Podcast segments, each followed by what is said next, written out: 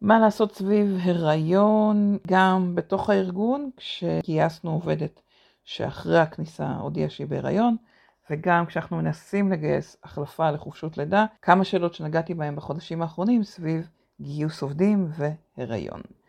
פרק חדש בפודקאסט גיוס המקצוע, פתיחה ונתחיל.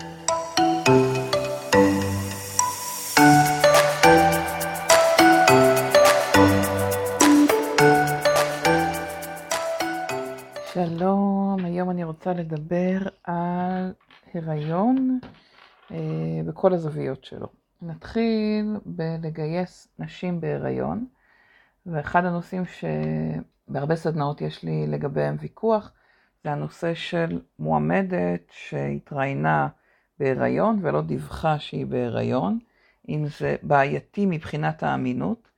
אפילו מנהלות, מנהלים שמאוד, נקרא לזה, פמיניסטים או פרו-נשים ומעודדים גיוס אה, נשים, אפילו בהיריון. אם נודה על האמת, הרבה לא מגייסים נשים כשהן בהיריון.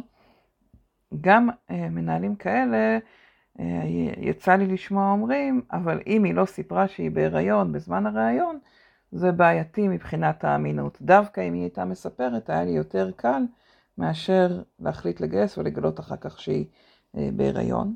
אז אני רוצה קודם כל להגיד, אה, סליחה על האמירה הבוטה, זה לא עניינכם אם היא בהיריון. בזמן הראיון, גם אם זה המשמעות של זה, זה שתצטרכו אחר כך כשתגלו להיערך, החוק מאפשר לאישה בהיריון לא לספר על זה, מהסיבה הפשוטה שיש הטיות ויש אפליה, ושזה עניין פרטי. הריון זה משהו שאנחנו הרבה פעמים לא מספרים לבני המשפחה, לאנשים הכי קרובים אלינו.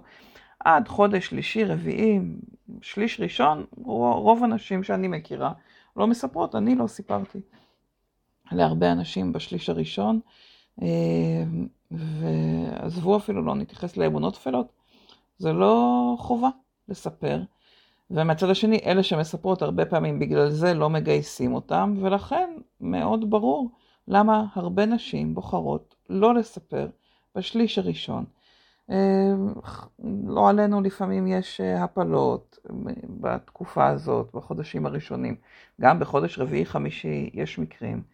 אה, אז גם מהסיבה של זה שזה עדיין בתהליך, גם מהסיבה של החשש מאפליה, הטיה, והן מוגנות על פי חוק, כן, בואו לא נשכח.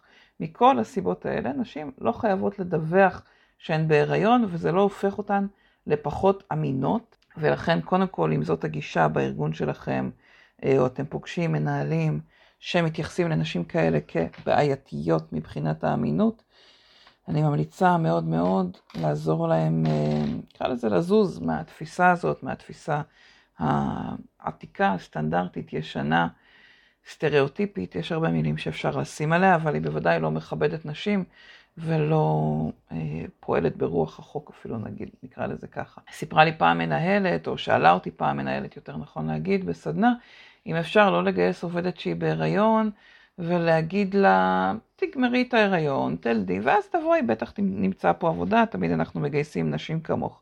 זאת אמירה מאוד בעייתית, עזבו רגע את הקטע החוקי. היא אומרת לאותה אישה, אנחנו רוצים אותך, אבל רק בשנים שאת לא בהיריון. כלומר, ההנחה, אה, שהיא השורש של החוק, אבל אני חושבת שהיא גם הנחה נכונה מקצועית, אומרת, כשאנחנו יוצרים קשר, התקשרות עם עובד או עובדת, אנחנו יוצרים אותה לטווח ארוך. אנחנו אומרים לאותה עובדת, כל עוד את איתי, אנחנו רוצים לתת לך עבודה, כל עוד את עובדת כמו שצריך ואת עושה את עבודתך, אנחנו נשמח לשלם לך משכורת. זה, זו המהות של החוזה, של ההתקשרות בין ארגון לבין עובדת. אה, או עובד, אבל רגע, לעניין ההיריון.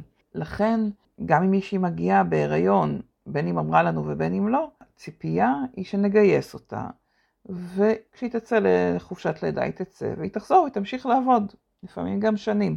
כלומר, ההיריון וחופשת הלידה לא צריכים להיות המגבלה שבגללם אנחנו לא נגייס אה, את אותה עובדת. לצערי הרב, יש ארגונים שמתייחסים לזה כאיזושהי מגבלה, כי רואים משהו מאוד מאוד קצר. הם רואים את זה שאני עכשיו, חסרה לי עובדת, אז אני עכשיו צריכה לגייס. ולא מבינים שאם אני מגייסת מישהי בהיריון, יהיה לי זמן לגייס לה מחליפה או להתמודד עם ההחלפה. אה, היא תלמד את התפקיד, תצא לחופשת לידה ותחזור, או היא תלמד את התפקיד וכבר תשתלב וכבר תבנה לעצמה אה, מחליף מחליפה, ואז תצא ותחזור. כמובן זה תלוי מתי אני מגייסת לאורך חופשת הלידה, אבל ההנחה היא שאם מצאתי עובדת שמתאימה לי לתקן שנפתח, גם אם היא בהיריון וגם אם היא צריכה לצאת לחופשת לידה, זה לא צריך למנוע ממני לגייס. וכן, אני מבינה שזה מורכב, אבל לשמחתי אני פוגשת כל יום, וגם יצא לי בעבר, לגייס נשים בהיריון, אפילו אליי לעסק שלי. ואני יודעת שזה אפשרי, זה אכן דורש היערכות סביב אה, היציאה לחופשת לידה. המקום היחיד שבו מותר לי להפלות ולא לגייס מישהי בהיריון, זה אם היא צריכה להגיע, להגיע לתקן אה, זמני, והתקופה ש, של התקן הזמני היא בדיוק בחופשת הלידה שלה, או נופלת על חופשת הלידה שלה. ואז היא באמת לא עומדת בתנאי התפקיד, היא לא יכולה לתפקד בתפקיד בתקופה הזמנית. זה הזמן היחיד שבו באמת מותר, אה, לפי מה שאני שמעתי בעבר מעורכי דין, כן, אל תיקחו את זה כהמלצה משפטית, אבל זה המקום שבו יש איזושהי לגיטימציה, כי אני מגייסת את התפקיד זמני והיא לא יכולה למלא את התפקיד הזמני. אני רוצה כן לדבר גם על העניין של החלפה בחופשת לידה. ואני יודעת שגם הנושא של החלפה בחופשת לידה לפעמים מורכב, אה, וקשה לנו לגייס החלפה בחופשת לידה. אז קודם כל חשוב לי להגיד, לא תמיד חייבים להחליף בחופשת לידה. כלומר, לפעמים, אני יודעת שזה מה שעשינו, כשאני יצאתי בעבר בחופשות, לחופשות לידה, לא גייסו מחליפים במקומי, אבל חילקנו את התפקיד בין אנשים שונים בצוות. כלומר, לא לקחת את התפקיד כ-100%, אלא לפזר אותו. צריך לזכור שגם שומרים לאותה עובדת שיצאה לחופשת לידה את המקום. במשך 60 יום מהיום שהיא חזרה מחופשת לידה, שומרים לה את המקום, שומרים לה את המשרה, ולכן היא מוגנת והארגון אה, שלא תמיד רוצה לגייס מישהו לתקופה זמנית ואז צריך לפטר אותו, אז הרבה ארגונים נוהגים לא לגייס בכלל מחליפים, אלא ככה לוותר על חלק מהמשימות, להעמיס אנשים אחרים בעוד קצת משימות, ואם מגייסים להחלפה לחופשת לידה, אני חושבת ששווה לשקול אה, גיוס מ outsourcing או גיוס מאיזשהו גוף שיש לו רמת מקצועיות גבוהה, ואז זמן החפיפה, זמן הקליטה, הוא יותר אה, מהיר, אני לא צריכה לגייס הרבה מאוד חודשים מראש, אה, אבל כן אני ממליצה להכין את המחליף או המחליפה זמן מראש, אם זה בפורמט של outsourcing, כי קורה שנשים יולדות לפני הזמן. ובכלל זה אחד הדברים הכי מצחיקים בעיניי תמיד, שמתחילים להיערך לחופשת לידה חודש, חודשיים לפני הלידה.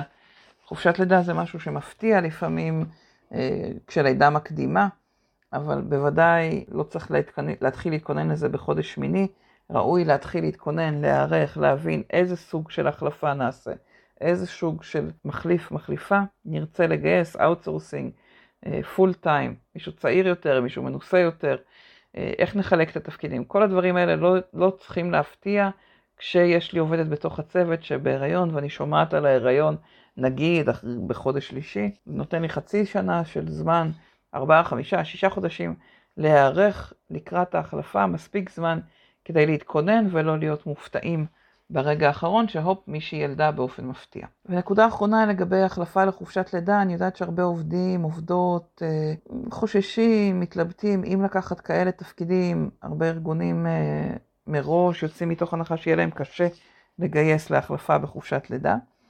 חשוב לי להגיד שיש היום פתרונות כמו אקסטרז co.il, כמו GetJob co.il, אקסטרז כבר הרבה זמן מציעים עבודות לאנשים למשרות זמניות ומשרות חלקיות, GetJob של מעוף, אה, גם פלטפורמה דיגיטלית לעובדים בעבודות זמניות. תסתכלו על הכלים האלה, תראו את הפלטפורמות האלה, אם הם נותנים לכם מענה לנושא של עבודה זמנית, וגם אם לא, יש גופים, חברות ייעוץ, חברות אחרות שנותנות עובדים אה, ב outsourcing, מודל מאוד מומלץ כדי לאייש תפקידים יותר בכירים, יותר מורכבים, ואז פחות צריך להשקיע בתקופה של ההכשרה אה, לתוך התפקיד. ומילה אחת למי שמחפש או מחפשת עבודה ורואים החלפת עובדת בחופשת לידה, או עובדים, דרך אגב, יש היום כבר אה, גם גברים שיוצאים לחופשות לידה, אה, אבל כמובן שלרוב זה נשים. גם אם אתם רואים תפקיד זמני להחלפה לחופשת לידה, אני ממליצה לכם לקחת אותו. ממליצה לכם להתנסות בתפקיד חדש, גם אם לא בטוח לכם, לא ברור לכם שזה יהיה תפקיד לטווח ארוך, כניסה לארגון, היכרות עם תפקיד שלא עשיתם בעבר, אה, זה תמיד שורה טובה בקורות החיים, זו הזדמנות טובה להתנסות בתחום, אפילו בתחום חדש, אפילו בתחום שלא הכרתם קודם, או בארגון שלא הכרתם קודם, להביא את היכולות שלכם, להקפיץ את הסל של הניסיון, ואפילו רק דוגמאות שתוכלו לשתף בתפקיד הבא. מאוד מאוד ממליצה לקחת תפקידים זמניים, ובכלל יש כזאת נטייה לדברים הזמניים להפוך להיות קבועים, אז לכו תדעו, אולי ייפתח איזשהו אה, צוהר, תיפתח הזדמנות ותאפשר לכם להישאר בתפקיד לאורך זמן, אם אתם תהנו מהארגון והתפקיד וייהנו מכם בחזרה.